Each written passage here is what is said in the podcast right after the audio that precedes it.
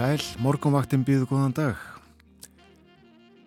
Það er 50 dagur í dag, komin 20. oktober. Og klukkunum vantar nýjum minntur í sjö. Það er alltaf á þessum tíma sem að morgunvaktin býður góðan dag. Um sjónumenn þáttanist hennan morgunin Björn Þór Sigbjörnsson og Þórun Elisabeth Bóðdóttir. Og við verðum með ykkur til klukkan nýju. Við hugum að veðrinu aðtöðum hvernig viðræði á landinu fyrir tæpri klukkustund. 6 steg að hiti þar sem hlýjast var, 5 steg að frost þar sem svalast var, það var á héræði, en hlýjast á vestfjörðum og stikkisólmi. En 4 steg að hiti í Reykjavík, lítilsáttar súld í höfuborginni klukkan 6 og vindurinn 4 metrar á sekundu austanátt. Fimmstega hiti á Kvanneri, þrýr metrar og sextega hiti í Stikisólmi, all skíjað.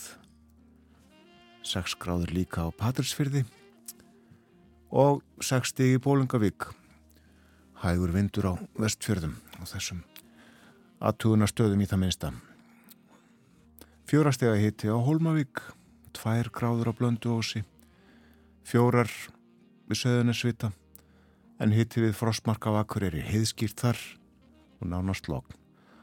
Tveggjastega frost á Húsavík, fjórastega frost á Rauvarhöfn, logn þar, þryggjastega frost á Grímstöðum og tveggjastega frost á Skeltingstöðum, en fimmstega frost á Egilstöðum, heiðskýrt, nánast logn. Og fimmstega hitti og fimm metrar á sekundu á höfni Hortnafyrði, sunnanátt þar, einstig siti á Kvískerjum, og fjörastega frost og logn á kirkjubæðaklaustri. En 5 gráður og 9 metrar á sekundu á stórhauðaði Vespanegum og tveggjastega hitti í Árnesi og frostið á Hálendinu, fjórar og 5 gráður eitthvað svo leiðis, 5 stega frost í Veiðivatnarhaunni, fjórastega frost, sandbúðum og káranhugum. Svona var veðri klukkan 6. Og þá var veðrinu eins og það á að vera í dag og næstu daga. Verður austlæg átt í dag, snýst í austan og norðaustan. Hægur vindur víðast hvar, 3-8 metrar á sekundu, en 8-13 við söðurströndina og á vestfjörðum. Það rófar til vestanlands, verða smá skúrir sunnan til, en þyknar upp fyrir norðan og verður smá væta þar í kvöld. Og kólnar heldur í veðri. Á morgun, norðaustan 5-13 metrar á sekundu, kvassast á vestfjörðum og söðaustan til regning eða slitta með köplum um landið söðaustan og austanvert, stökuskúrir eða jél við norðurströndina en annars þurft og hitin á morgun 0 til 7 stig mildast siðst á landinu.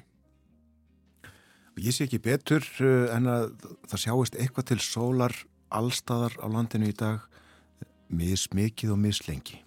Já, og eh, kannski við nefnum líka Veðurspána fyrir lögadag, það er jú fyrsti vetradagur. Hæg suðlega eða breytilega átt í kortunum, skíjaða mestu og dálítil væta siðst og á vestfjörðum.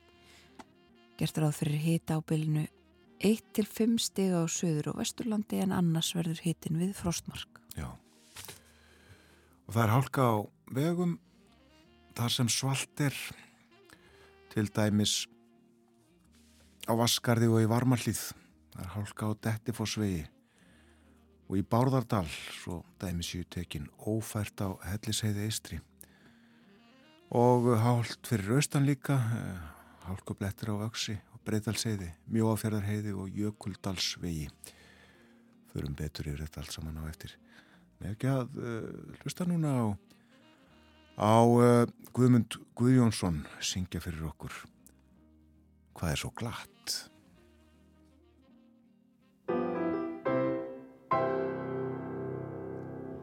Hvað er svo glatt sem góðra vina fundur, er gleðin skín á vonar hýri brá, eins og á vori laufi skrýðist hundur, lífnar og glæðist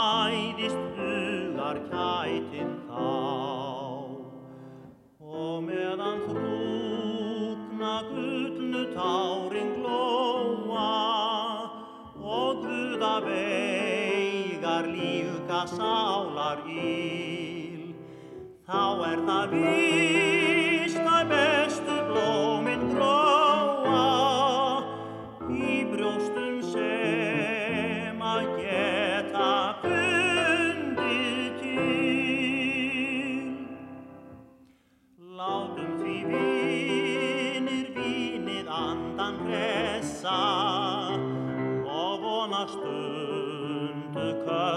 þennan dag og gesti voru að byggjum Guð að blessa og best að snúa öllum þeirra hag. Látum mei sorgnja söknuð vínið blanda, þó senn í vína hópin komi skörð.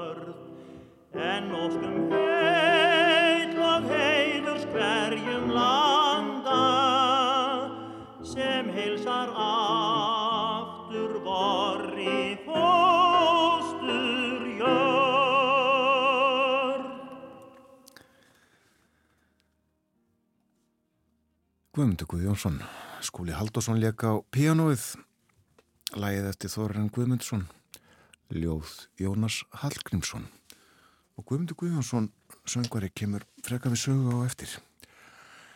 En Þorun, Liz Truss er enn fósættisáður að Breitlands ekki satt. Jú, hún er enn fórsættisráþurra, við fylgjumst með uh, áfram.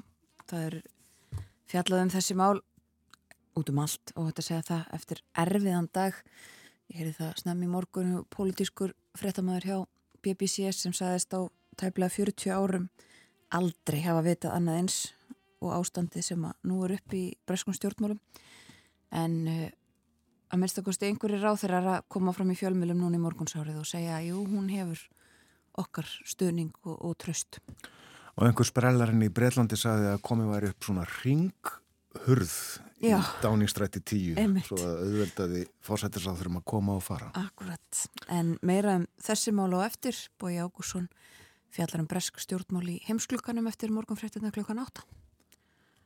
Og uh, svo verðum við líka með töluverða umfyllunum heilbriðistjónustu frá ymsum hliðum. Meira um það hér á eftir.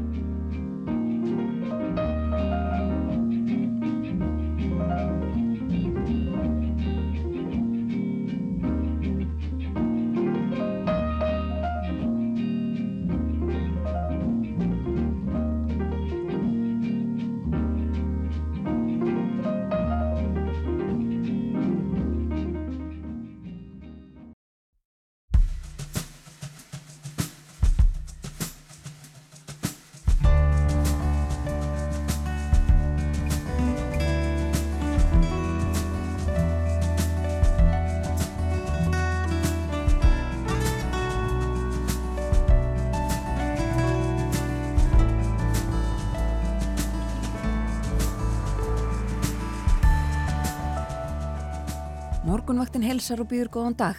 Í dag er 50 dagurinn 20. oktober. Erlend málefni verða til umfjöllunar á morgunvaktinni eftir morgun fréttir klukkan 8 og þá engum bresk stjórnmál. Liströss fósættisráð þeirra hefur ekki tekist að sannfæra bresku þjóðina um að hún sé rétta manneskjan til að stýra þjóðaskútunni í þeim ólgu sjó sem hún er í þessa dagana. Henni hefur endur ekki tekist að sannfæra brest íhaldsfólk um að hún sé svo rétta hvorki almenna flokksmenn ég samherja í þingfloknum og ég vil ráð þeirra. Bói Ágússon fer yfir stjórnmála ástandið í Breitlandi eftir morgunfrettir. En á undanboga og eftir eru heilbriðismál á dagskrá, eh, lækningar og hjúgrunn. Já, á morgun verða tímamót í háskólanámi hér á landi þegar að í fyrsta sinn útskrifast úr hjúgrunarfræði hópur fólk sem var með annað háskólapróf fyrir og fór því gegnum stittra nám. Að hluta til var ákveðið að ráðast í þetta verkefni vegna skorts á hjúgrunarfræðingum í öllu heilbriðiskerfinu. Upp úr klukkan hálf nýju koma þær Eitís K. Sveinbjarnardóttir, umsjónamaður námsins og Karolin K. Guðbjörnsdóttir verðandi hjúgrunafræðingur til okkar og segja okkur frá náminu og þessu öllu saman. Og meira af helbriðiskerfinu, fjár helbriðistjónustæðir, orð sem við heyrum stundum nefnt, með aukinni tækni verði hægt að ræða við lækna og njóta helbriðistjónustu bara heima frá sér. Nú er að ljúka fyrsta kapla í nýri rannsókn á fjárhelbriðistjónustu á fólki með hjartabilun og niðurstöðunar lofa góðu. Davíð og Arnar, yfirleiknir á hjartadelt landsbytalans, kemur til okkar og segir okkur frá þessu upp úr klukkan hálf átta. Umsjónamenn morgumvaktarinnar eru Þórun Elisabeth Bóadóttir og Björn Þó Sigbjörnsson.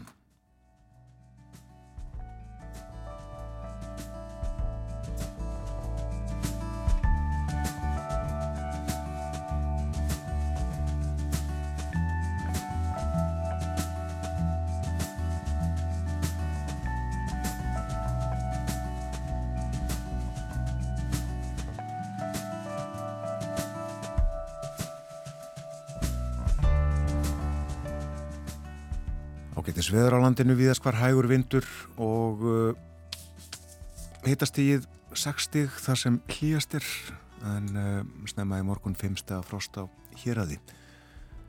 En spáinn, það verður austlæg átt á landinu í dag, fremur hæg viðast hvar, hiti yfir frostmarki að deginum. En sumstaðar getur orðið vart við minni áttur úrkomu. Magnið ætti hvergi að vera mikið, segir við fræðingur í hugleðingun.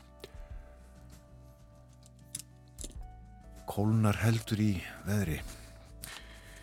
En uh, viða bara bjart og vonandi fallet líka. Við uh, lítum í dagblöðin.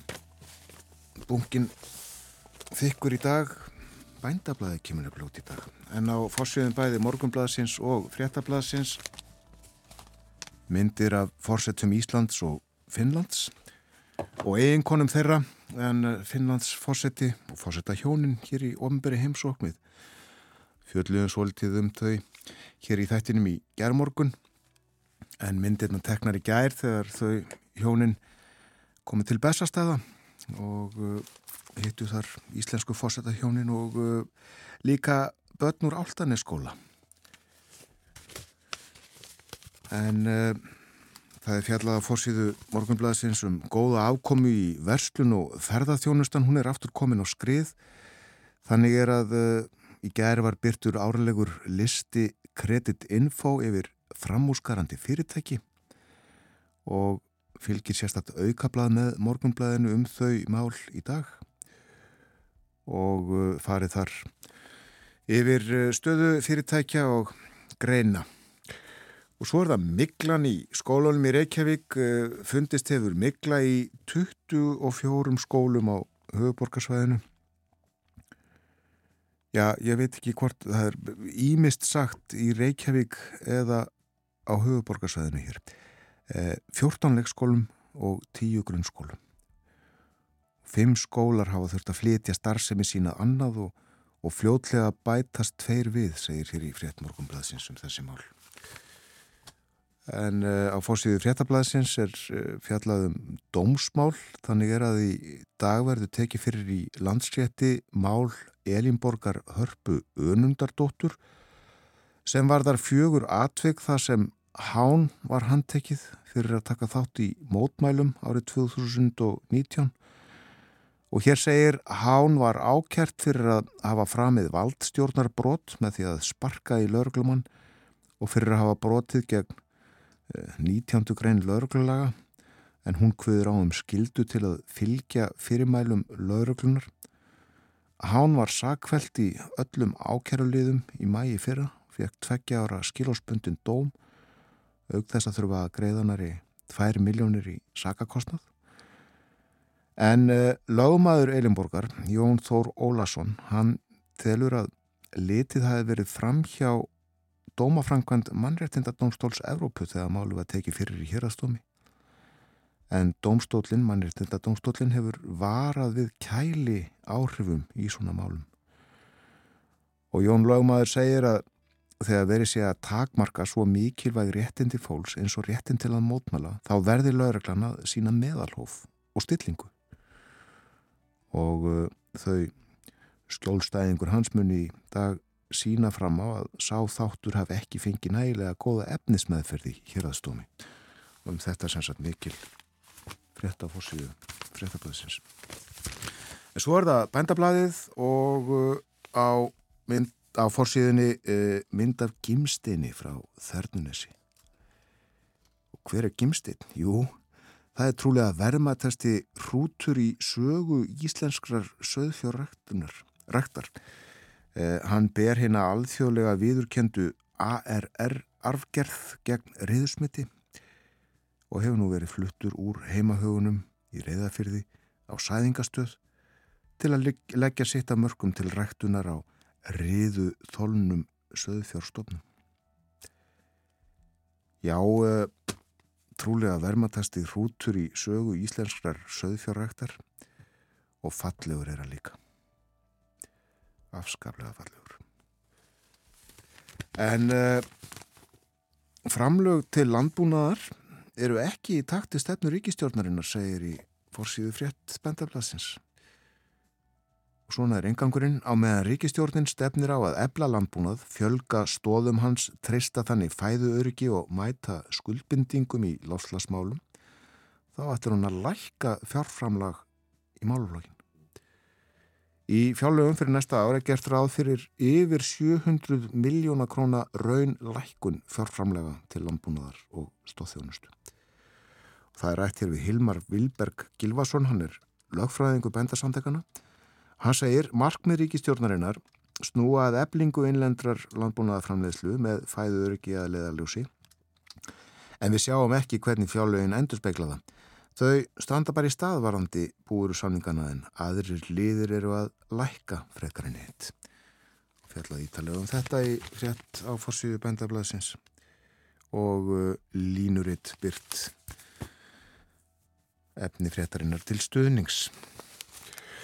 En uh, þá förum við út í heim, uh, byrja stuttlega í Breitlandi um leið og við minnum á að uh, í heimsklukanum eftir fréttir klukkan átta þá ætla Bói Ágússon engum að fjalla um stjórnmála ástandið í Breitlandi. Já, og við uh, verjum ekkit ofbúsla lungum tíma í þá umræðu núna, geymum það en uh, það er óhætt að segja að uh, ástandið í breskun stjórnmálum sé erfitt um, Súela Bravermann hætti í gerð sem innanríkisráð þeirra og þótti skrifa afskaplega harðort afsagnarbref þar sem hún gaggrindi liströss fórsetir svo þeirra harðilega og uh, það var og það er eiginlega orðið sem er notað víða til þess að lýsa uh, víða sér satt á forsýðum til þess að lýsa ástandinu.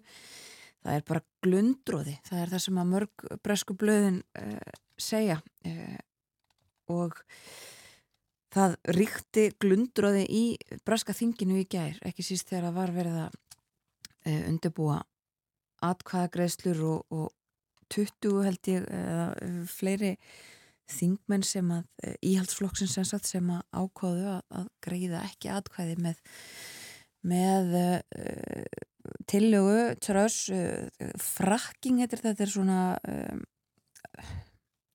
veit ekki alveg hvert íslensku orðið er þetta er þetta uh, þetta er ólíu vinsla og sagt frá því einhverjum blöðunum að ríkistjórnin undibúi hreinlega refsi eitthvað svona refsingu gagvart þessum þingmannum sem ekki ekki fylgdu flokkslínunni þannig gær um, hversu vænlegt sem það getur nú talist í þessu ástandi öllu saman.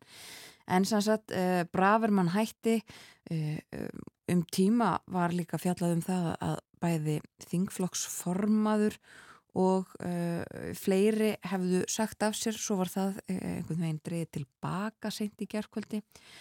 Þannig að glundróði er líklega bara besta orði til þess að lýsa þessu öllu saman. Meirum þetta þó hér á eftir.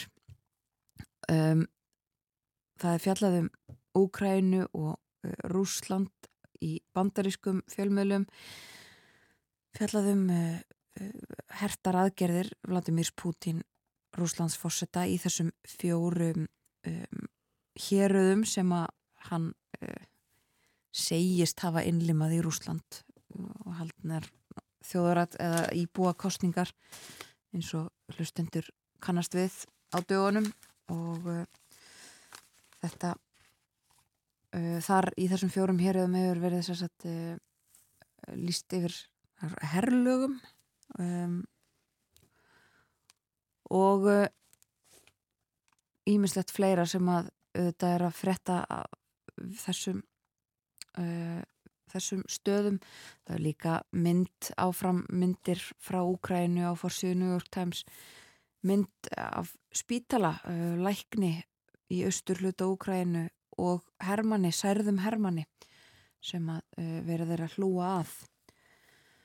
Og uh, örstu til Danmerkur vegna þess að þar við fjöllum um dansk stjórnmáli í gær með Borgþóra Artgrímsinni það er umfjöllunni fórsíðun og informasjón í Danmörku um emitt dansk stjórnmál og Lars Lökke Borgþór saði okkur frá því að hann um, verðist vera í likil stöðu og informasjón fann uh, kjósanda Marju Nílsen frá Kögu mm. og það er svona afskabla falleg portréttmynd af þessari konu undir fyrirsögnu hvað er það sem að Lars Lökka getur?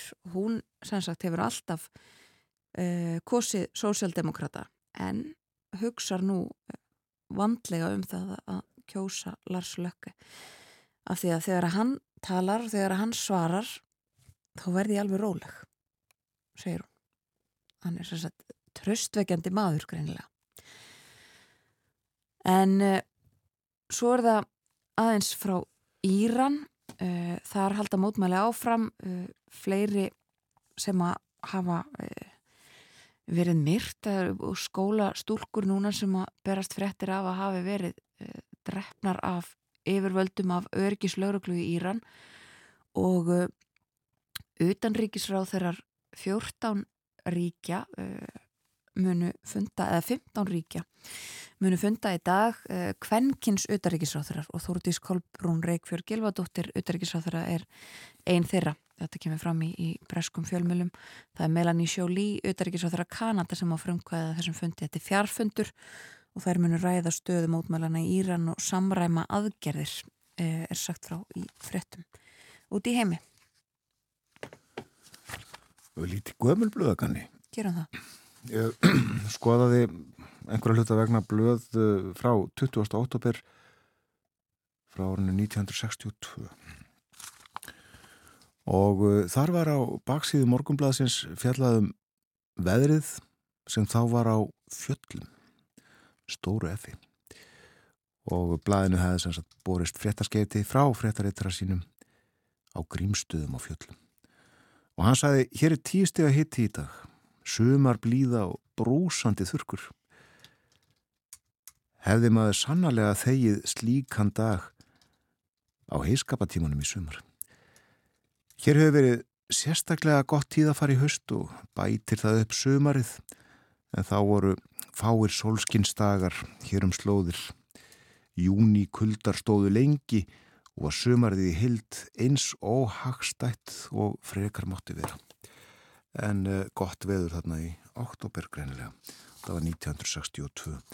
Tímin uh, var með frettir úr, úr borgarstjórn Reykjavíkur en... Uh, á fundi hennar eh, deginum áður, auðvitað miklar umræður um brakka íbúðir og úrræði til að útrýma brökkum Kristján Benditsson, borgarfulltrúi, upplýsti að enn búa 681 í brökkum og þar af 311 börn.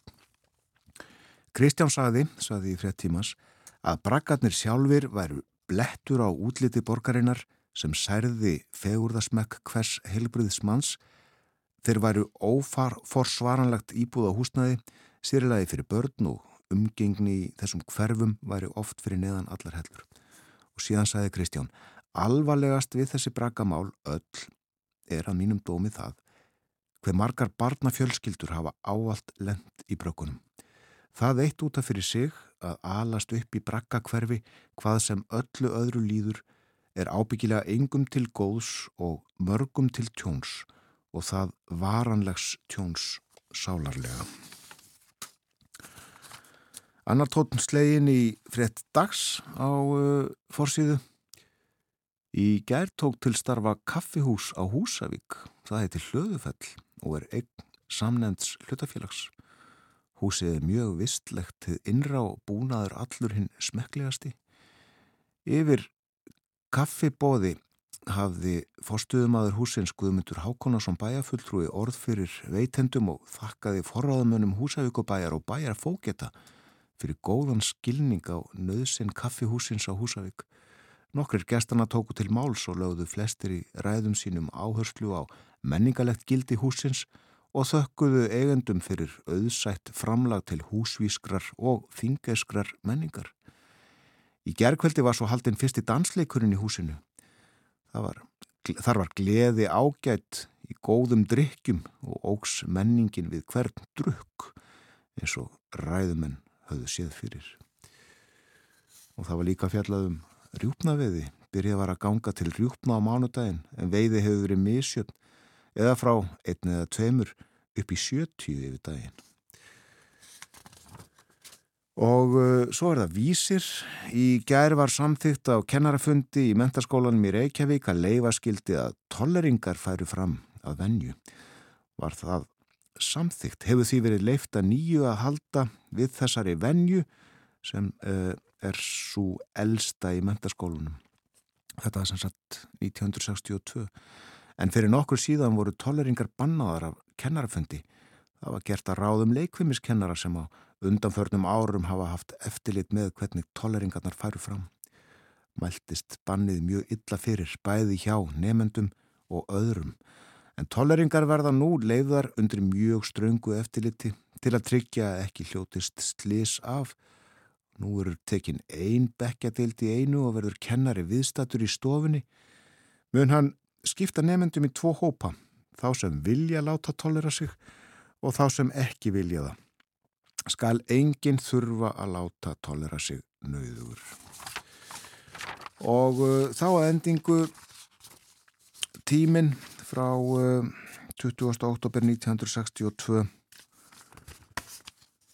Þar var rætt við Guðmund Guðjónsson óperusöngvara sem að söng fyrir okkur fyrir fréttinnar. Hann var þá nýkomin til landsins og uh, fyrir dyrum stóð söngskemtun í Gamla bíói Guðmundur söng, Alli Heimir Sveinsson leik á píjónu þeir voru félagar og uh, voru báði við nám í Köln og fréttamenn hittu þá að máli og uh, hér segir í frétt tímans fyrst leik fréttamannum hugur á að vita hvort Guðmundur hefði í hyggju að gerast söngvari ytra eða hvort hann hefði fengið bóðum söngsamning ytra. Guðmundur hvað það alls ekki ætlum sína Hann hafi valið sér lífstarf fyrir löngu, hann var í trésmiður og hefði fyrir konu og börnum að sjá og það væri fyrir öllu að tryggja þeirra framtíð og gæti ekki telti neina tvísinu núorðið með að leggja út á listamannsbraut í útlöndum.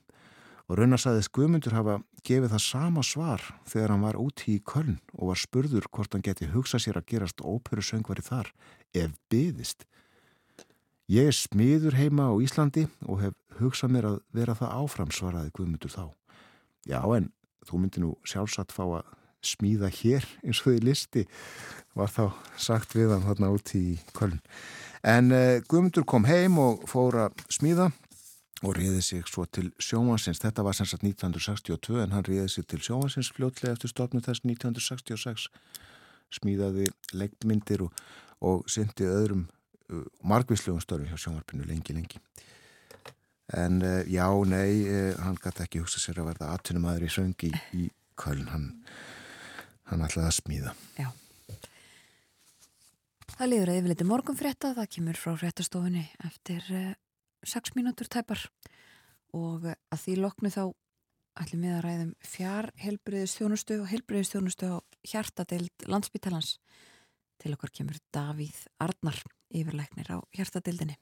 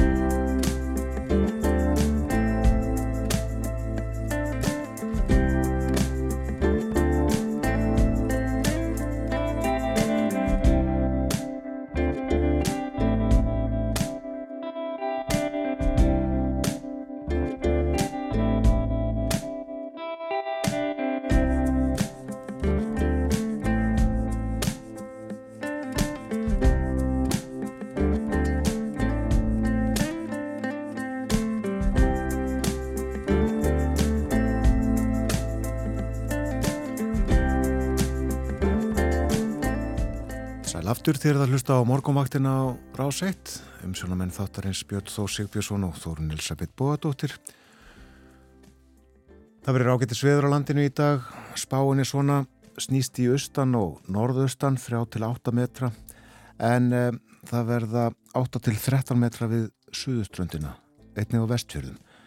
Það rofar til vestanlands smá skúrir sunna til þyknar upp fyrir norðan smá væta þar í kvöld kólnar heldur í veðri.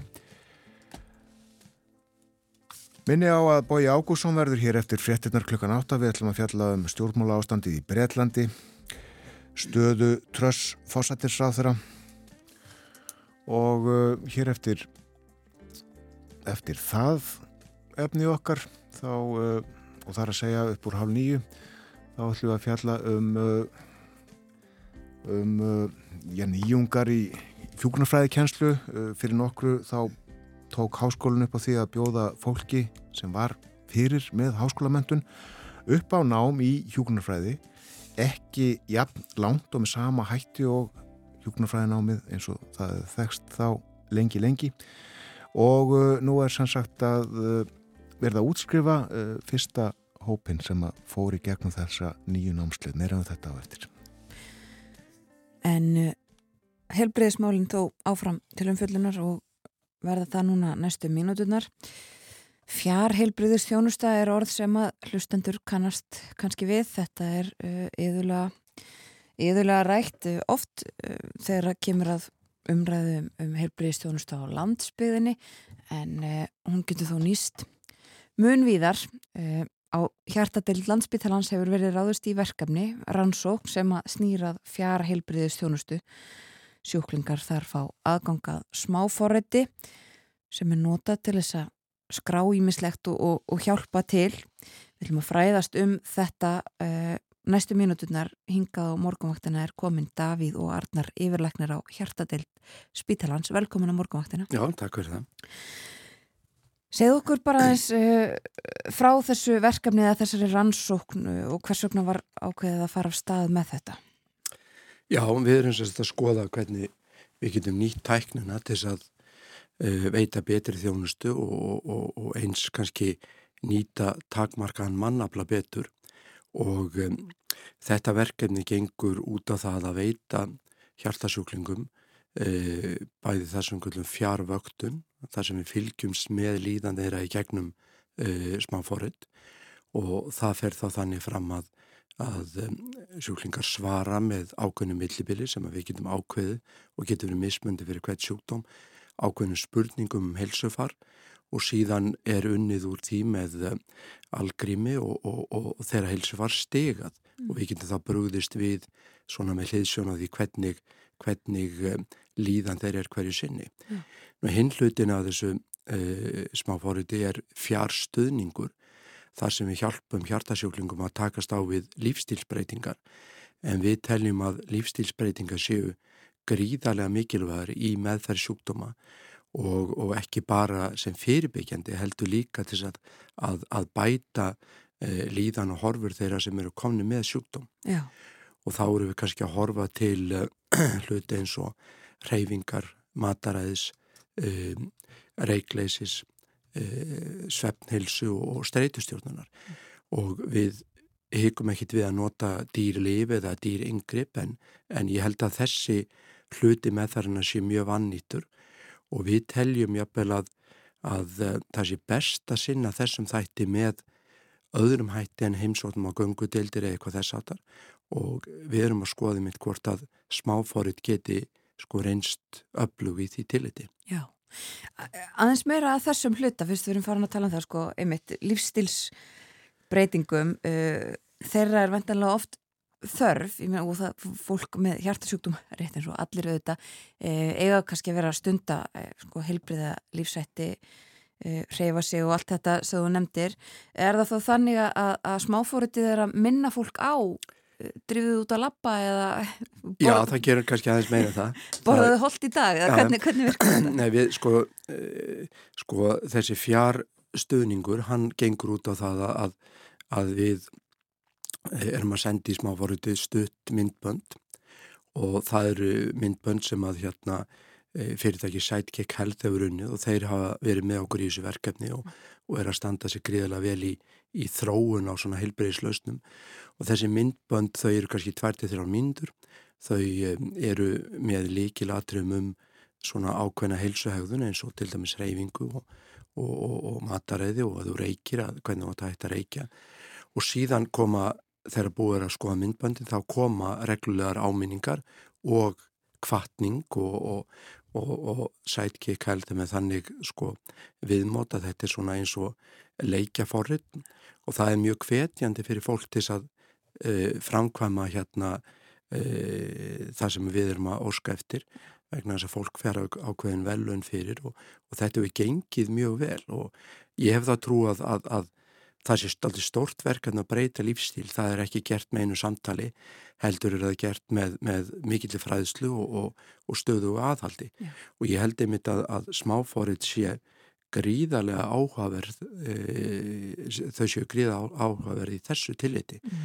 þannig að við, okkur finnst þetta mjög spennandi og eins og þú komst inn á þá eru við að gera rannsóknir núna á þremur stórum sjúkdómaflokkum e, hjartabilun, kransaði sjúkdóm og gáttatifi og erum svona að skoða hvort að e, fjárvöktunum fjárstöðningur ofan að hefðböðna með þeir geti bætt þjónustuna og ég sé fyrir mér á næstu 5-10 árum að, að við munum þróast miklu meira í þessa átt. Já, Já fjárvöktunin, förum að þess aftur í hana, uh, uh, getur þú nefnt okkur svona dæmu um til dæmis það sem að, sem að fólk uh, gerir hvað hana varðar í þessu smáfórati aðferðið eru það að spurja fólk hvað, hvað upplýsingar þið fáið? Já, við erum með, við erum með svona staðlaðar sérvalda spurningar fyrir hvern og eitt sjúkdóma því einkenninu er auðvitað mismundi þannig að við erum að spurja um einkenni, við erum að spurja um líðan og, og, og svona líkil e, lífsmörk eins og oft vikt, blóðþyrsting, púls og þess aftar og þetta eru fyrir hvert sjúkdóm kannski 57 spurningar sem eru auðvelt að svara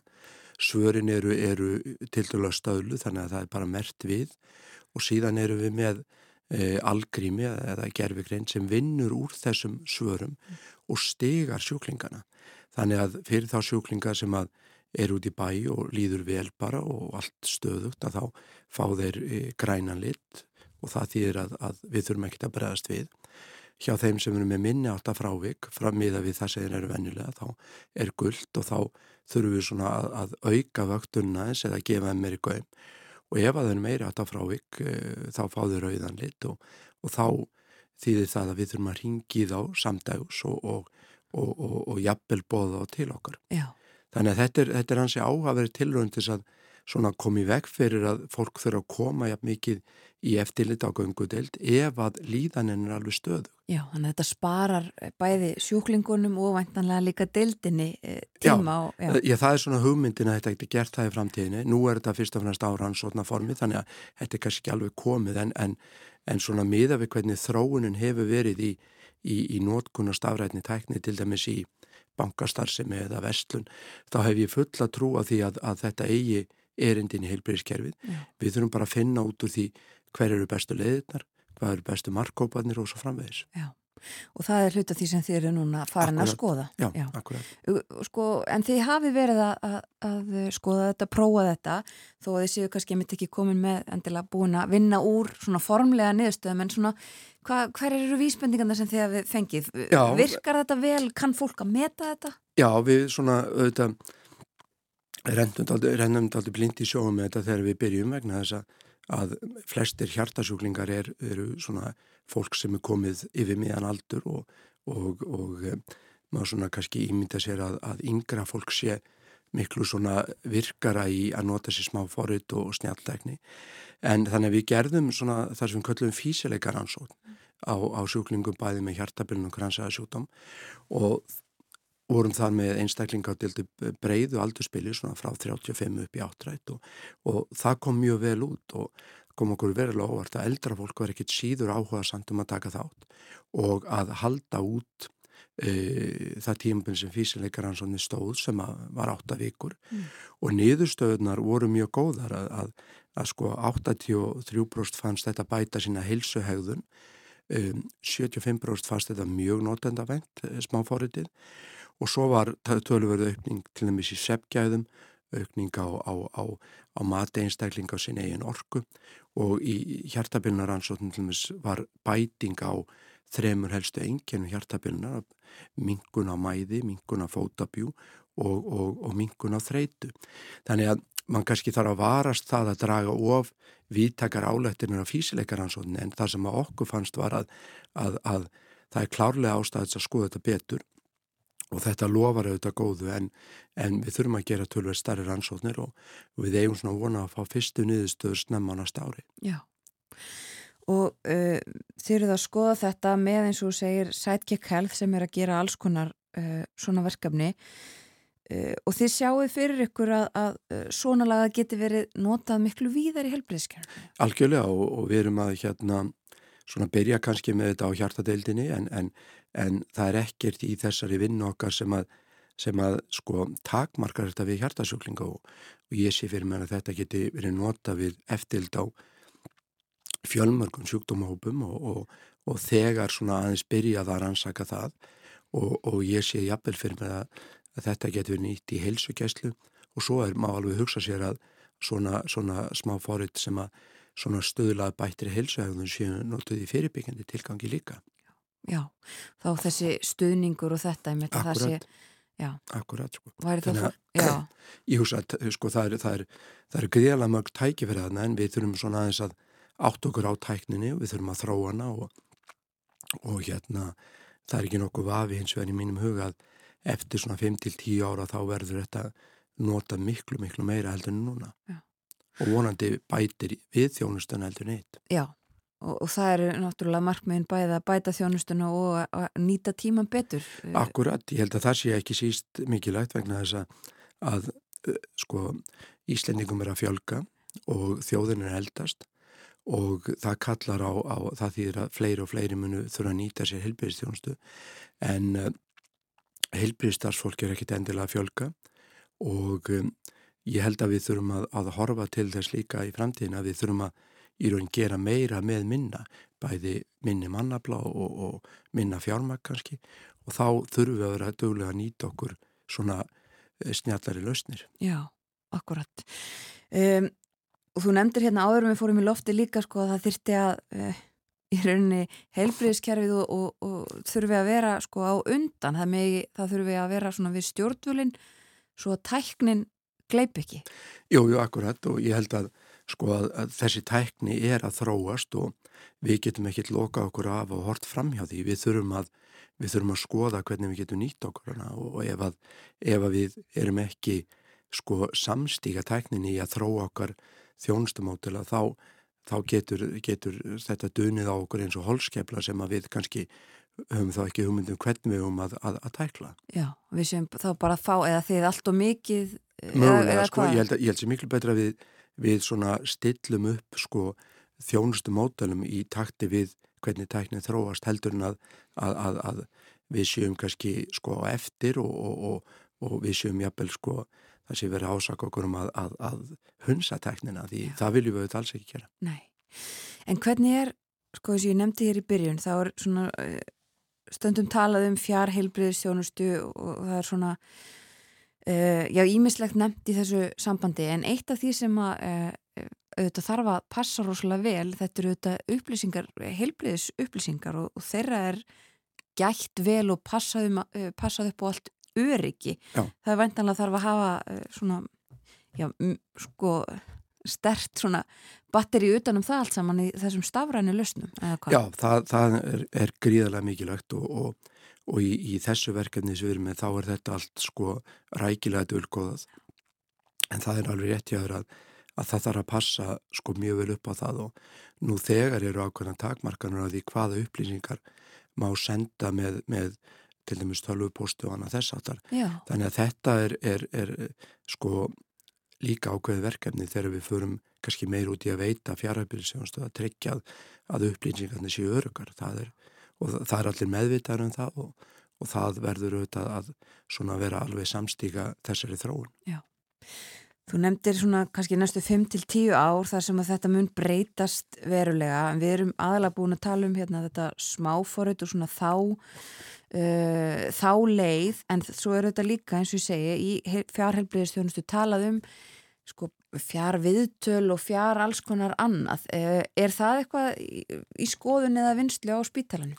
Ég veit að þú ert ekki kannski mjög sinni verið alltaf spítalan en... það, það, það er verið svona í ákveðinu þróun Já. Eh, svona undanfarni kannski 1-2 árati hvernig er þetta að ebla fjárheilbriðstjónustu og, og, og þá er kannski verið að horfa eins og þú nefndir til þess að bæta þjónustunum við landsbyðina Já. og það er sömulegis í, í stöður í þróun og ég held að sko viðtöl svona hérna e, via alls konar hérna forrið það sem að er að vera með sko í myndbönd og annað þess áttar er mjög áhafrið kostur og hefur reynst vel. Já. í mínum huga þá kannski á það frekar við ef það eru bráðveikindi eða fyrsta viðtal þar sem við erum að hugsa með smáfórutunum meira svona sko eftirlitsjúklingar sem höfum þegar séð. Þannig ég held að þetta getur bara farið mjög vel saman og, og ég held að, að, að sko að þróun á fjárhæfliðstjónustu með þeim hættir sem þú nefnir hún mun halda áfram en smáfórutin þau gera nákvæmlega sama, þau svona stöðlað ákveðnum jöfnuði sko gagvart sko landsbyðinni að sækja sér sko eftilt hjá sérfræðingum. Já. Þannig að mér finnst þetta allt saman mjög áhugavert og ég held að sko við erum að vinna með smáfórit núna, um, í mínum huga þá erum við kannski ekki síst að þróa sko hugmyndafræðina Ég veit ekkert hvort að það verði eitthvað annað komið eftir 5 eða 10 ár heldur en smáfórið en, en hugmyndafræðin hún er í þróun Já. hver svo sem hérna miðillin sem slíkur verður. Já og eins og segir hugmyndafræðin þessi og, og er í prófun og verður áfram hjá ykkur og svo uh, sjáu þið fyrir ykkur að þetta verður þetta nýta miklu víðar. Já ég held að þetta sé, sé mjög áhugaverðu kostur og í mínum höfur ekki nokkur vafa því sko að þetta verður en spurningin er bara sko með hvaða hætti, fyrir hvern og svo framvegis. Já, við fáum kannski að fylgjast áfram með þessu kæra þakki fyrir að koma til okkur á morgunvættina Davíð Arnar, yfirleiknir á hjarta til landsbytalans. Takk. To play some good luck messages for you, are you ready, Sana?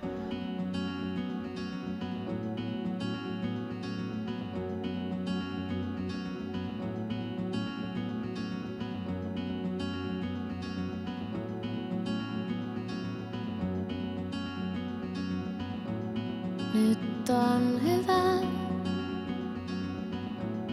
nyt ei sada. Nyt on nukuttu ja koko päivä aika. Tehdä mitä vaan tai jättää tekemättä.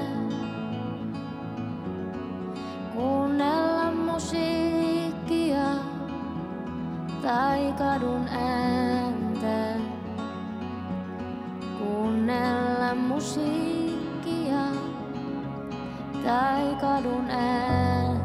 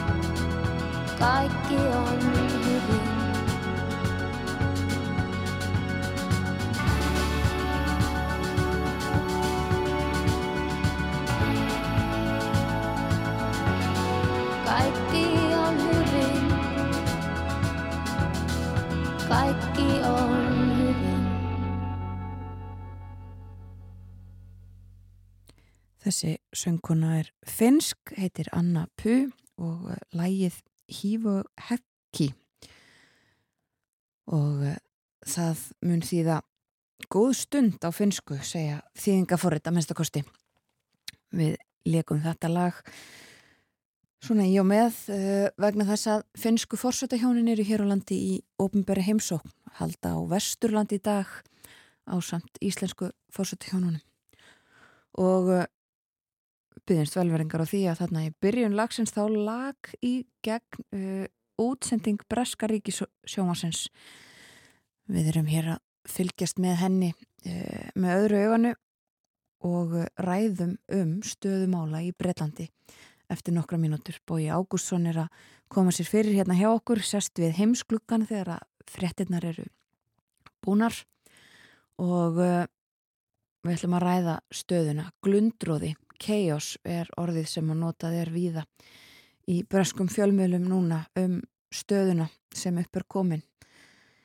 Og uh, ég nefndi það hér fyrir morgun að hafa hlustaði mitt á BBC þar sem að framkom í máli.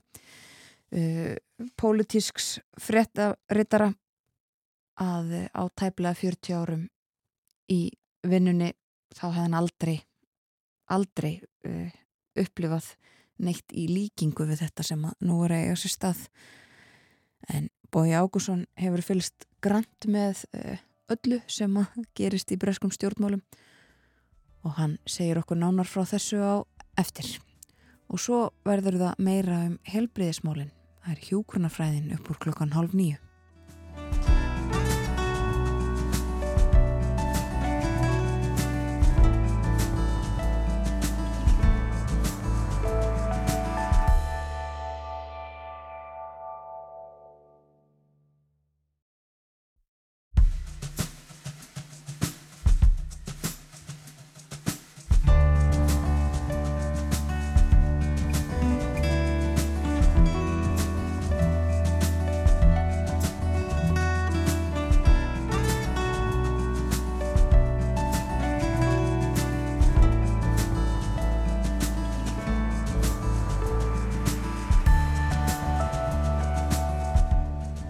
Sæl aftur þér að hlusta á morgunvaktina á rás 1 klukkan farin að ganga nýju. Það er 50 dagur í dag komin 20. oktober.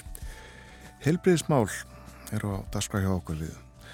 Vorum hér áðan með lækni sem að saða okkur frá nýjungum. Já, Davíð og Arnar er yfirlæknir á hjartadelt landsbytalans og hann sagði okkur frá já, tilraunum sem að þar standa yfir á nótkun smáforrits til þess að bæði vakta líðan uh, sjúklinga og líka uh, styðja við þá, hvetja þá til dáða í breyttum lífstíl.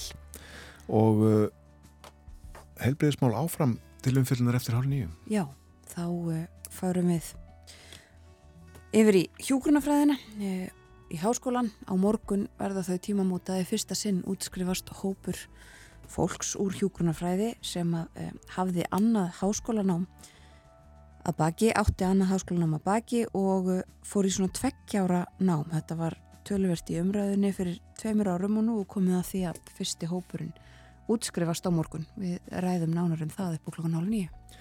Hér hafa umsvaramenn þáttarins Þórun Elisabeth og Björn Þór seti frá því fyrir sjö og nú hefur Bói Ágursson bæst í hópin. Góðan dag. Góðan dag. Við ætlum að fjalla um Erlend málefni aðalegum mm -hmm. stjórnmála ástandi í Breitlandi. Jú, við ætlum að reyna að koma aðeins að kostningabarátunni í Danmörku líka. Og kannski er rétt að geta þess að því voru að tala um hjúkunarfræði að í fréttum danska ríkisútvarsins í gæri ríkisjónvarsins þá var aðalfréttinni í þeirra aðalfréttatímum það að, að þúsundir hjúkunarfræðinga uh, það vantar þúsundir og þúsundir eru að fara úr starfi og þá viðtal við eina sem að núna afgreðir í búð sem að, sem að selur vetrarfatnað, skíðafatnað og annað og hún sagðist einfallega, hún var á ríkispítan og sagðist einfallega hafa gefist upp á því óskaplega stressi og álægi sem hefði verið á spítanunum þannig að hún vil frekar ágreði í Vestlun heldur en að sinna sjúklingum á ríkispítanunum. Sem hún er mentu til. Já. Akkurat. Einmitt það uh, og við ræðum þessi máli á frekar hér á eftir. En við ætlum að fara til Breitlands við nefndum svona aðeins í morgun uh, þessi málstöðuna hún breytist þó uh, reglulega, ég sé það bara til dæmis núna nýjustu fréttir segja að, að uh, þingflokksformaðurinn sem að um tíma í gerð var talið að hefði hægt mm. og hún sé komin inn í forsættisraðnitið dáningsstræti nummið tíu, þetta var bara núna fyrir tveimu mínútum síðan. Og þá er enn eitthvað að gerast, það má ekki líta af, af breskum miðlum í eina mínútu þá er eitthvað búið að gerast. Nei, en við nefndum það sérst í morgun bresku blöðin mörg, þau nota orðið chaos, glundróði hreinlega. Já. hvað uh, er á segði og að fara östuft yfir það hvað og að því að breytanir nú daldi gefnir fyrir understatement þar að segja að taka ekki djúft í árinni. Og þá held ég að það megi alveg segja það að þetta sé understatement að tala um chaos. Þetta er bara, við erum að horfa upp á ríkistjórn og stjórnmálflokk sem er að rinja innanfrá og uh, molna nýður raunverulega. Og þetta má allt saman kenna Boris Johnson og hvernig hann fór frá mjög löngum, löngum ferli við að velja nýjan uh, liðtóa flokksins á meðan gerðist ekkert, það var ekki tekið á neinum alvarlegum vandamálum og ekki brúðist við og það eru gríðarlegir efnahagsörðuleika sem að blasa við breytum. Við þekkjum þetta allt saman, hækkun orkuvers, gríðarlega verðbólk af að tilkynntum að hún væri yfir 10% í gær og það var sko frétt sem að kom svona vel eftir miðjan fréttatíma í öllum uh, aðalfréttatíma mútas og sjómas sem að venjulega hefði verið sleið upp og þótt gríðaleg tíðindi mest að vera bólka í eitthvað, einhverja ára tíi en uh, fréttinar á pólitíska vettvangunum þær, þær, þær yfirskýðu þetta allt saman. Mm. sko þessi nýja ríkisjór tók við í byrjun september minn sjötta september minni mig og svo leiðis og og það er náttúrulega fyrstu dagarinn einkendist að því að það gerðist ekkit vegna þess að, að, að drottningin lést og það var þjóðarsvolk í Breitlandi og uh, síðan hefur sko Liz Truss og hennar ríkistjórn gert hvert aksaskaftið á fætur öðrum. Þetta byrjaði með því að þáverandi fjármára það hvað sé hvart henn lagði fram það sem þau kalluðu mini-budget eða minniháttar fjárlega frumvarp og þau gerðu það ekki samkvæmt reglum til þess að komast hjá því að láta eins konar þjóðhagsstofnun breyta leggja mat á uh, efnahagslegar afliðingar frumvarsins en það er skilda eða um, um er að ræða eiginlegt fjárlega frumvarp og það um leið og það gerist á fastu degi, hvernig 23. september þá, þá bregðast markaðir þannig við að uh, þeir hafa enga trú á þessu. Uh, pundið fjall vergildi ríkiskuldabrifa snarfjall sem leiti til þess að svimi lífeyrisjóður komust í hættu og var, þarna var bara um, um, um hérna, mjög alvarlegt uh, ástand að ræða. Þau fyrst sögðu það að þetta þau ætluðu sér bara að halda, halda, halda, halda sínu striki uh, en uh, það var tiltölulega ljóst að þetta gæti ekki gengið. Landsfundur íhalsflokksins haldið þarna um þessa myndir og það er ljóst að það er hver höndun upp á móti annari og einna fremstur í, í flokki er maður sem heitir Grant Shapps. Við skulum minna þetta nafn, hann kemur fyrir aðeins setna í, í þessum pisli og einna, hann er höfuð anstæðingur eiginlega hérna, liströss á, á, á þessum fundi. Og mikill plottari. En eh, svo gerist það og það sem allir muna það hefur svo mikið gest á svo stuttum tíma að bara það er hættið að ég gleymi einhverju þessu að, að markaðinir í rauninni neyða ríkistjórnina til þess að breyta um stefnu hafi ekki trú á þessu. Og uh, þá fórnar Liz Truss fjármálur á þannum hvart heng Kami Kvasi eins og sem er hafa kallaðan í, í Breitlandi og í Economist fyrst og það þykir mörgum mjög skvítið vegna þess að þetta er efnaðarstefna þeirra, hann er framkvæma efnaðarstefna hennar, þau skrifuðu grein fyrir margt löngu, þau útlistu þau ætla að gera þetta nákvæmlega svona. Fella niður skatta ekkert að hugsa um það hvernig á að brúa bilið í fjárlugunum sem voru upp á einhverja 20 miljardar punta heldur eftir það þetta bara hvetja til þess eh, efnahagsvakstar sem að myndi í sjálfu sér uh, auka tekið ríkisins. Og uh, og þannig að málinn málin reddust, þetta reddast. En eh, honum er fórnað og Jeremy Hunt tekinn inn. Jeremy Hunt var sko engin og hefur aldrei verið stuðningsmaður Liz Truss eh, og hann er úr allt öðrum armiflokksins, hún og Kwasi Kvarteng koma úr arminum sem er lengslið hægri miklir brexitistar þó hún hafi ekki verið upphaflega og frjálsíkjumenn trú á markaðnum og þess vegna er það svona kaltæðinu örlegana það sé markaðinu sem að sé að ganga frá uh, þessari efnahastefnu og það sem að gerist er það að Jeremy Hunt hann bara einfallega breytir um stefnu. Og í rauninni vilist að vera hann tekur völdin í ríkistjórninni og hún eins og þau kalla á ennsku she's in office but yeah. not in power. Hún, hún, hún situr í, í dagningstræði tíu en valda laus völdin hafa flust til Jeremy Hunt sem að núna er fjármórur á þeirra og það gerist alltaf ykkur á hverjum degi. Það er umhólið að tellja þetta allt saman upp en það var beðið eftir fyrirspunna tíma fórsættis á þeirra í gær vegna þess að uh, þarna hafðu hlutir verið að gerast og, og það var verið að spekulera hversu lengi hún gæti, gæti setið þessi fræga fyrirsögn í Daily Star hvort endist lengur kálhöfuð eða hún sem að sem að hérna, hefur farið sem eldur í sínu um allt og, og bandaríski fjölmjörnir hafa tekið mikið upp og það er bein útsending af, af líðan kálhöfusins uh, á, á vefnum.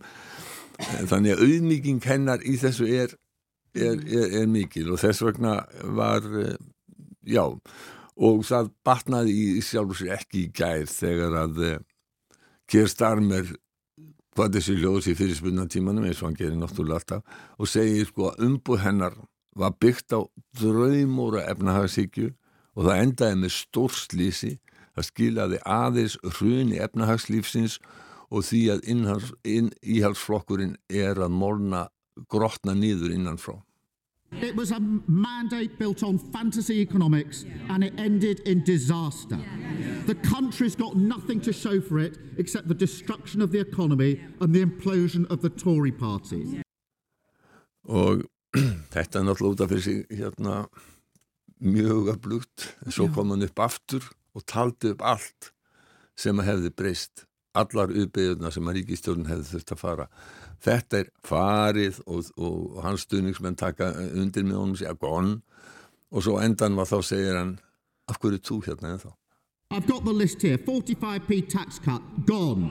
Corporation tax cut, gone. 20p tax cut, gone. Two year energy freeze, gone. Tax free shopping, gone. Economic credibility, gone. And her supposed best friend, the former Chancellor, he's gone as well. They're all gone. So why is she still here? Þetta er eins og uh, bara æft en svona er pólitíkin praktiseruð í breska þinginu. þetta er líka eftir Já, já. ég held að ég leiði mér alveg að fullið að það að, þetta var ekki eitthvað sem að kýr starfið dætt í hug Nei. eh, akkurat á þessu augnabliki í þinginu og nú mikið að List Truss og hún, hérna, hún reyndi að bera sig vel og, og, og, og rífa kjaft og hún sagði að, að sko, hún væri ekki kvittir, hún er ekki að hætta hún ætlaði að berjast í þessu Mr. Speaker. Mr. Speaker, I am a fighter and not a quitter. Já, ég er bara áttu kona, ég gefst ekki upp. Og svo ætlaði Liz Truss að fara í heimsókn í ykkur fyrirtæki en því var aflýst með mjög skömmu fyrir hana. Og af hverju? Vegna þess að hún þurfti eiga fund með innanríkisráþuranum Súelu Bravermann. Og það sá fundur endaði með því að, að, að Bravermann sagði af sér eða var rekin, hann og eiginlega fleiri á því að, að, hún hefði verið rekin. Svo eða Bravermann langt til hægri í floknum, sama stað og, og Liz Truss og hvað sé hvað teng, uh, mikill brexitisti algjörlega á móti því að, að það sé slaka á reglum um innflytjendur.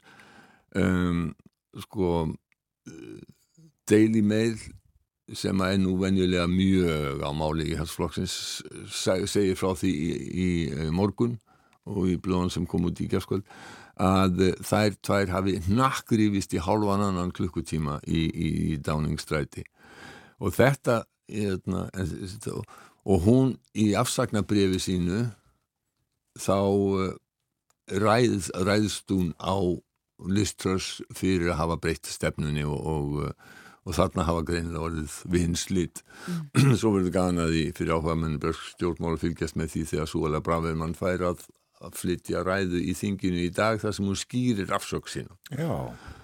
Og það getur orðið enn eitt höggi fyrir Liz Truss ef að Liz Truss verður ennþá við völd þegar þetta verður því að hlutningir er svo hratt að maður veit aldrei sko.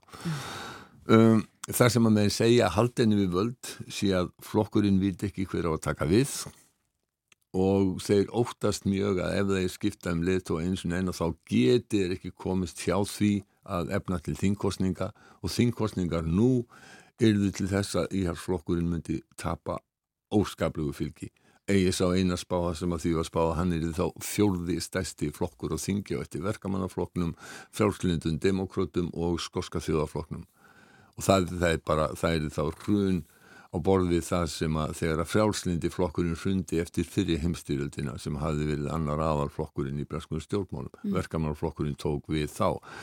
Um, og en, en sem sagt uh, hvað þarf til þess að, að hún hverfi frá völdum, það þarf að samkvæmt reglum flokksins þá má ekki reyna að koma leðtóa frá fyrir eftir hann eða hún er búin að vera við völd í ár. En það má breyta þessum reglum og, og svo Graham Brady sem er formaður 1922 nefndarinnar sem eru, eru almennir þingmenn í hér flokksins, hann getur breytt þessu. Og hann er búin að breyta reglunum vegna þess að það þurfti 15% þingmanna til þess að, að senda inn bref og krefjast leðtóakjörs eh, það er komið langt fram yfir þessi 15% hann er búin að breyta þeim reglum í 50% nú verður ekki leðtóakjör nema helmingur. En það er bara spurning, helmingur þingmanna í hérsflokksins krefjast leðtóakjörs það er bara spurning hvenar gerist það? Vegna þess að það eru svo margir sem að hafa uh, líst yfir óanægin því að það var sko það vissi enginn sitt rjúkandi ráð í gær uh, vegna þess að verkamannarflokkurinn leggur fram tillugu um það að uh, banna frakking og þau viti hvað frakking er sem sagt þegar það er verið að bóra eftir, eftir gasi og ólíu með því að dæla uh, vögva undir miklum þýstingi niður í jarlögin og mjög margir breytarum í harkala móti þessu. Og þar á meðal eru margir íhaldsþingmenn sérstaklega þeir sem að koma úr uh, dreifbílskjöldæmi Ríkistjóðin lýsi því yfir að því að uh, Liz Truss hafði ætlað að leifa frakking uh, þátt að vera partur í því að koma efnahagslífin í gang á ný. Og ríkistjórnin lýsir yfir að þessi tillaga það, hún sé að jafngildi vantröst þar að segja að hún verði samþygt að þá far, fari ríkistjórnin frá. Þingmenn séu algjörlega skildaði til þess að kjósa. Svo rétt fyrir atkvæðagreðsina þá segir ráð þeirra, nei, þetta er ekki svo leiðis og svo kemur upp annað, jú, þetta er svo leiðis og svo er gengið til atkvæðu, við veitum hvernig er gengið til atkvæðu í Breitlandi, þingmenninni fara inn í það sem ég kalla lobby sem er svona herbergi. Og uh, þar berast fréttir af því að sumið þingmenni í harsflokknins alveg bara beinir verið dregnir beittir líkamlegu valdi og dregnir inn. Og formaði þingflokksins eftir, eftir þessa, alla þessa vittlisu þá heyrist hún segja sko this is a F disgrace I don't F care. Og orðalag sem ekki hérna er, er, er haft eftir. Og hún segir af sér og aðstofamarinnar svo koma fréttinu þá hún hef ekki sagt af sér.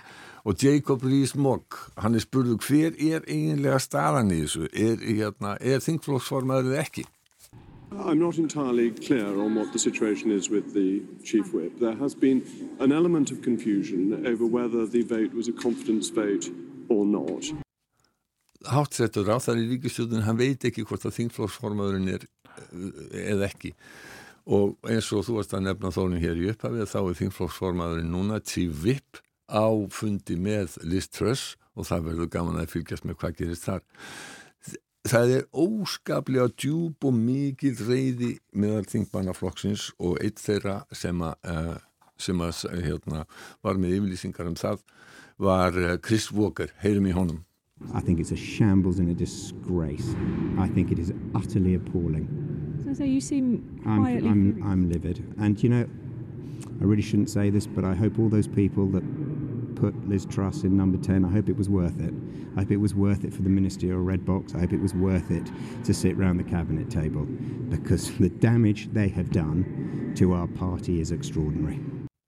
allt þetta klúður og smán er algjörlega hræðilegt, ég er fjúgandi reyður og hans endaði með því að segja að þetta fólk hefur unnið flokknum algjörlega óbætanlegt tjón Er enginn sem stýður liströss? Um, það kom uh, Ann-Marie Trevelyan uh, hún er uh, samgöngur á þeirra hún var fenginn til þess að fara í þessi venjulegu viðtöl uh, í morgunsjónvarpi og morgunútvarpi og uh, nei hún gæti ekki gefið yfirlýsingu um það að hún stýtti liströss og það er, það segir, það segir allt þegar ráð þeirri fenginn til þess að fara og verja ríkistjóðuna og getur það ekki Við fylgjumst áfram með þessu. Kæra þakki fyrir í dag, Bói Jókusson.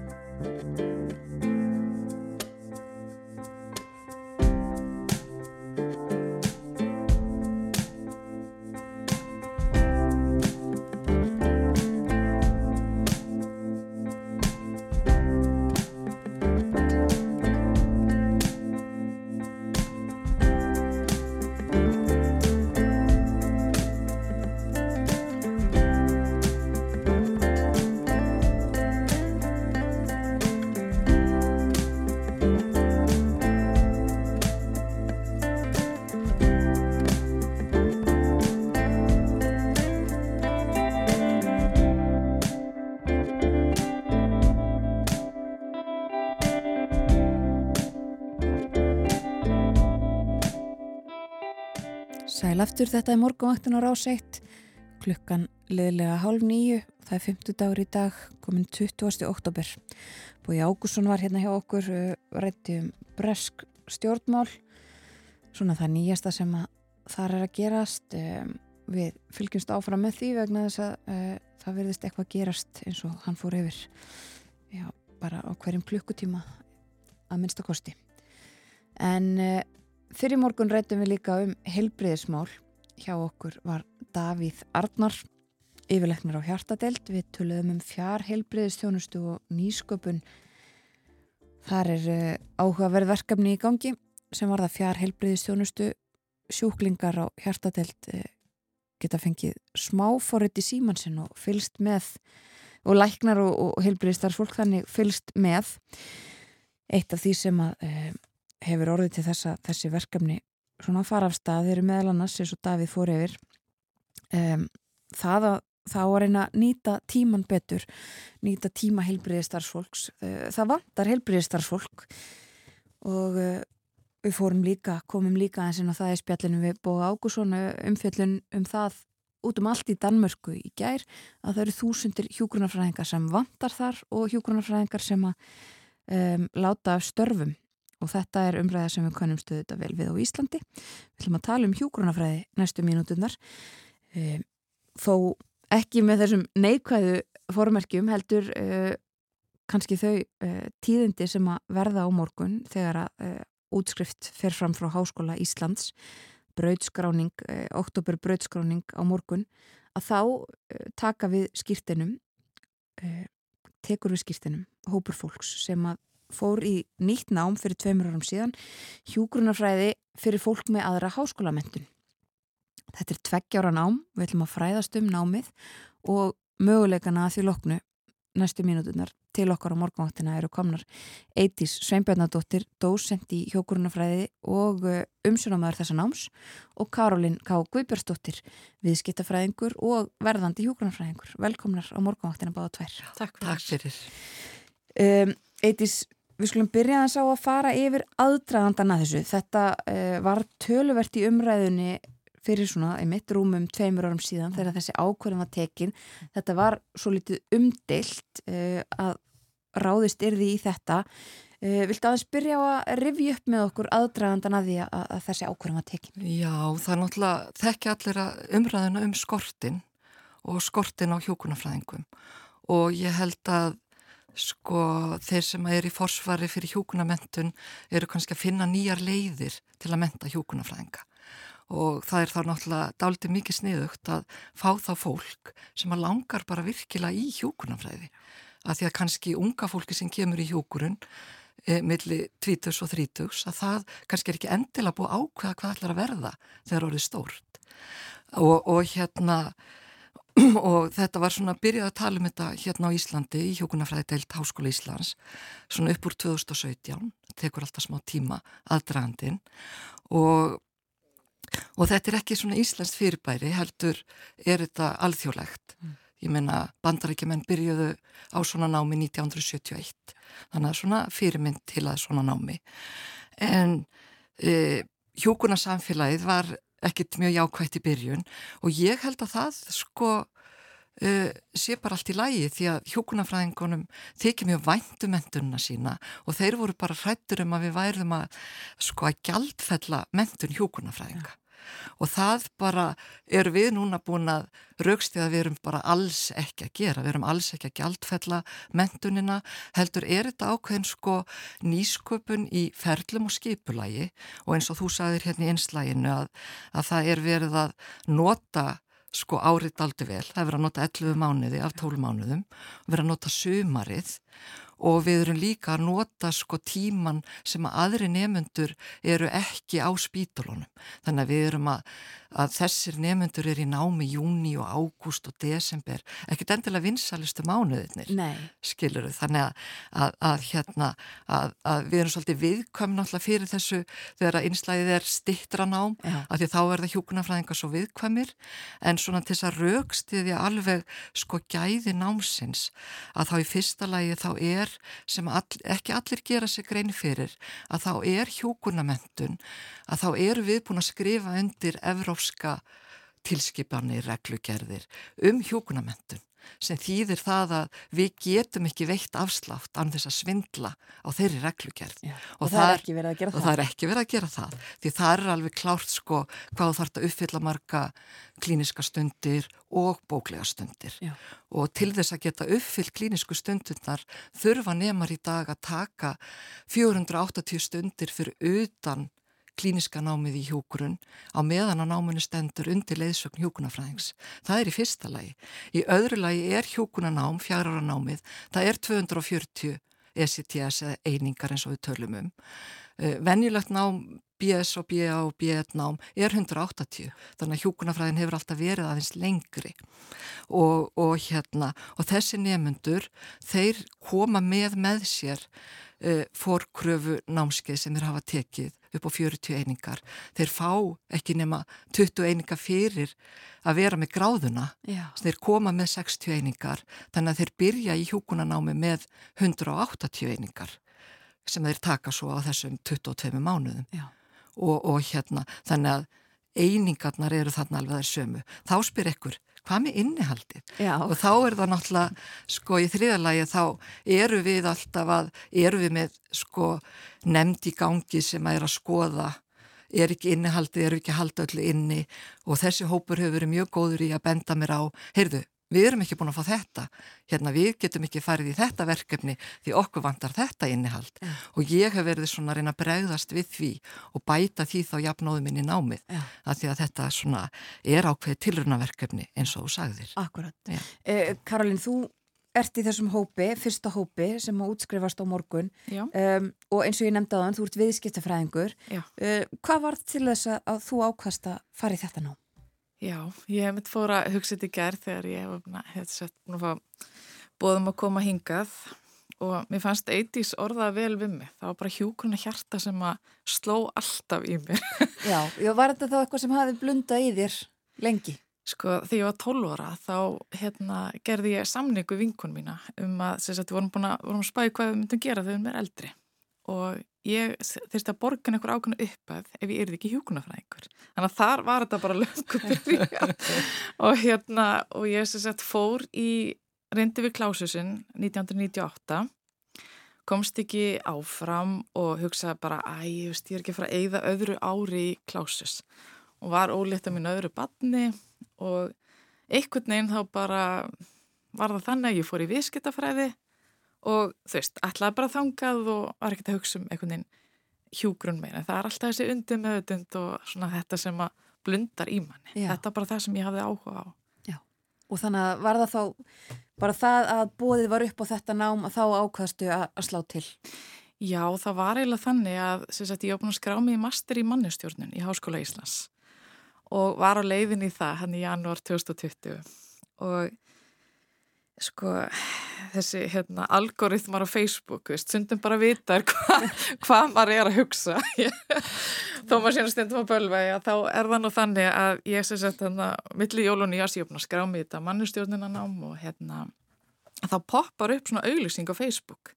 Hjúgrunanám fyrir fólk með aðra háskólagræði og ég bara sá þetta og ég hugsaði bara herðu, ég get ekki sleppt þessu.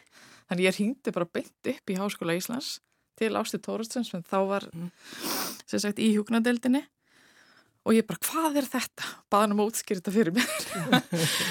Og þá er það þannig að ég þurfti að taka sagt, þessa forkröfur til þess að meiga sækja um þetta nám. Og það voru bara 20 nefndir sem eru teknir inn í ágúst 2020 þannig að ég vissi að bara ég ætla ekki að sleppa mannistjórninu þannig ég tók bara bæði. Já. og hérna tók hann það fimm áfanga í hjúgrunn og tók svo líka mannustjórnun með. Og hérna svo bara komst ég inn í þetta nám þannig águst 2020 og svona tók nú svo líka mannustjórnuna áfram. Og svo bara var ég alveg komin að kafi í þetta hann og ákvað að sleppa mannustjórnuna og halda áfram í hjúgrunn Einmitt, bara... ég ætla um að segja að því, að því að þetta hljómark og, og þegar maður skoðar þetta um, og eins og eittis fór aðeins yfir þetta er sko, þetta er svolítið ákaft nám þetta eru 11 já. mánuður á ári uh, þetta er, hlýtur að vera svolítið já, svolítið erfitt, eða svona já. mikið hvernig, hvernig var þín upplifun af því? Þetta var alveg sko uh, já, þetta er, þetta er mikið álag já.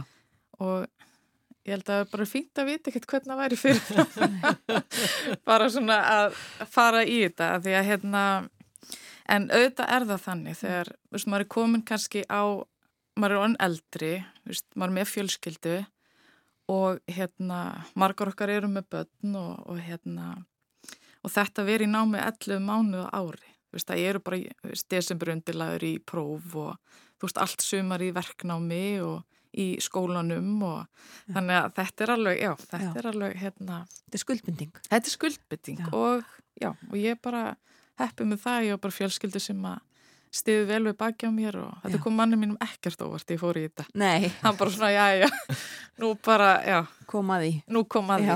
Laksins. Og kannski líka, sko, ég vapna skrá mig alveg þrís og fjóru sinum í hjúkurun í gegnum árin. Já. Svo bara alltaf þegar búin skilin öllu, svo þá koma því að hérna borga reikningin, þá var ég bara, æ nei, fjögur árið er svo mikið og tekið tapp og eitthvað svona Er þetta, einmitt, Eitis, er þetta svona stefið hjá flestum sem eru í náminu? Já, þú, þarna færði eiginlega staðfesting á því sem ég sagði áðan að við erum að ná í hóp sem er bara með hjókunar hjartað Já. og það eru bæði sko kallmenn og konur sem Já. að er að koma í þetta nám og það eru, ég reiknaði út bara ganni, svona í hefböndinni hjókunarleiði eru svona 1-3% kartmenn nefnendur. Ja. Í þessu námi, ef ég tek öll árin sem eru komin, þá erum við komin í 10-11%. Já. Og það er, ég, ég hugsaði, kannski er þetta leið fyrir þess að auka að komi fleiri kallmenn í hjúkurun en auðvitað viljum við bara öll kyni í hjúkurun það Já. er náttúrulega þannig. En sko það er svolítið skemmtilegt, þetta eru nefnendur sem að, eins og Karolín segir sem eru kannski með svolítið laungun í það að verða hjúkunafræðingar og við erum að vonast til að þetta verði hópur sem að komi til með bara að vilja vera hjúkunafræðingar og eru stoltir af því. Já. þeir eru náttúrulega aðeins eldri og þroskaðri og það er aðeins erfiðar að kenna þeim.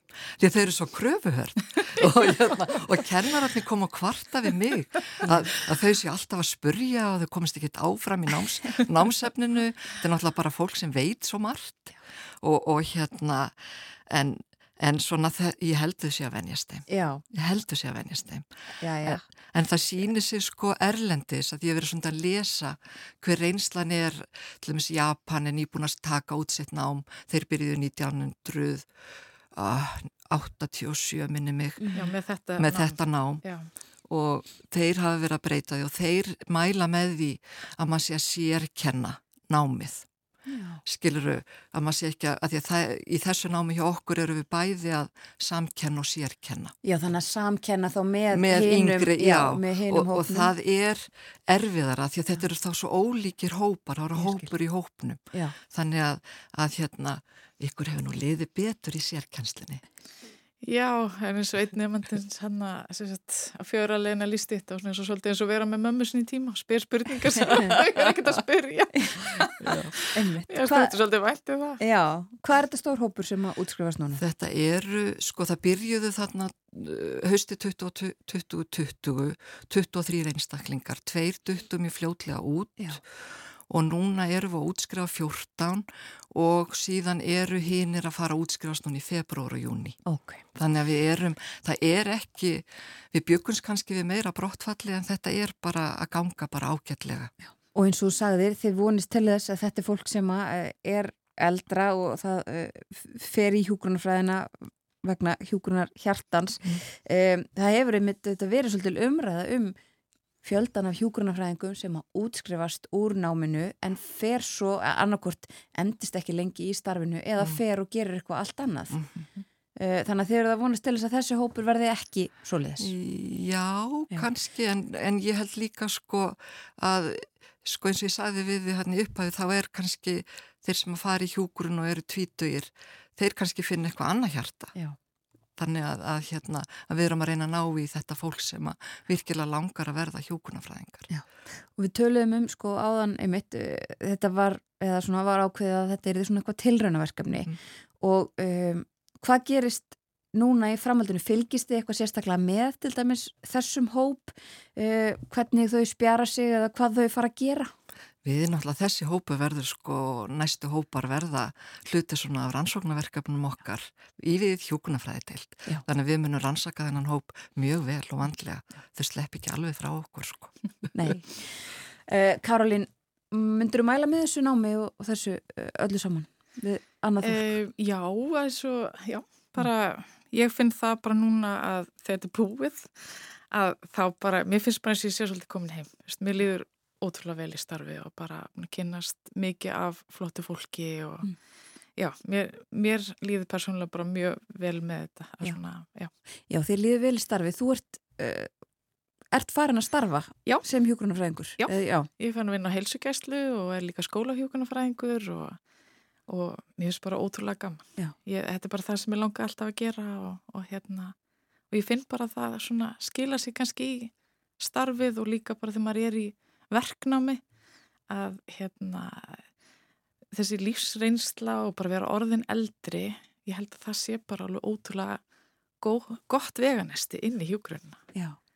Þú hefur áður verið að vinna í fjármála geiranum, má ekki segja það? Já, jú, ég vinn í böngum og lífyrirsjóðum og kortafyrirtækjum og, og en það var alltaf fólki sem tóka í mig. Já. Ég er ekki manneskan svona beintið sem sita bara fyrir saman tölvu og ég er svona people's person og hérna, já, já. Og mér, það er það sem toga í mig. Mér finnst gaman að hjúkra fólki og, og vera í samskipti við fólk. Já, og það er auðvitað mikilvægt í hjúkranafræði, samskiptin við, við fólk. Um, hvernig er með aðra útskriftanema? Vitið þið hvað uh, þau eru að taka sér fyrir hendur? Eru, eru margir eins og Karolin farnir að starfa við þetta nú þegar? Já, þau eru bara öll eila byrjuð já. að starfa og hérna fólk er náttúrulega, sko Karolin er náttúrulega viðskiptafræði, það er náttúrulega, svo eru margir sem eru í náminu sem komur í þróttafræði, þróskaþjálfun, uh, sálfræði, uh, jáfnvel eru nefnendur sem hafa klárað þrjú ár BS í læknisfræði Já. og koma svo yfir í hjókunafræði.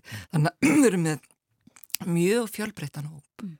en öll eru þau sko mjög áhersum hjúkurun og það er eiginlega þessi fjórtamanna hópur er að starfa við hjúkurun núna Já. og er bara kom mættur inn á heilsugjæslu líka inn á landsbytala og, og fleiri staði Já.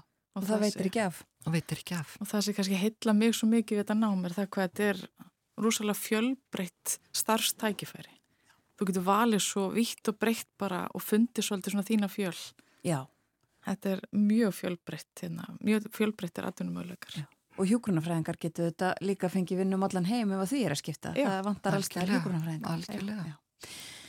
Einmitt það, takk fyrir að koma til okkar á morgunvaktina til hamingi með útskriftina Karolin. Takk fyrir að bjóða mér, takk. Eitís Sveinbjörnadóttir og Karolin Guðbjörnsdóttir. Eh, takk fyrir. Takk sem við leiðist.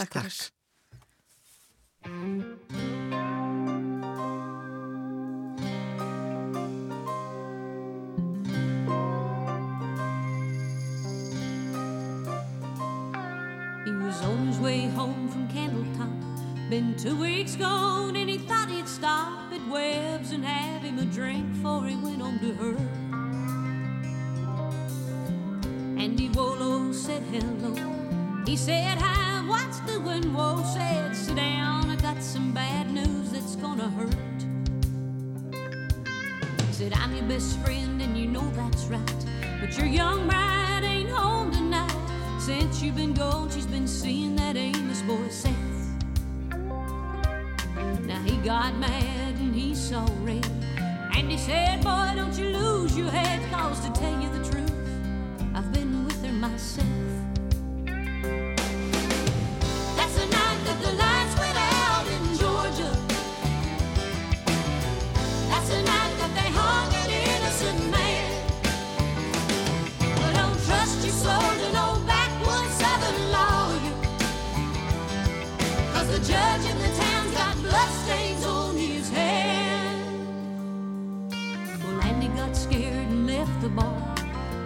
Walking on home cause he didn't live far. You see, Andy didn't have many friends and he just lost him one. Brother thought his wife must have left town. So he went home and finally found the only thing daddy had left him, and that was a gun. He went off to Andy's house, slipping through the backwoods quiet as a mouse. Came upon some tracks too small for.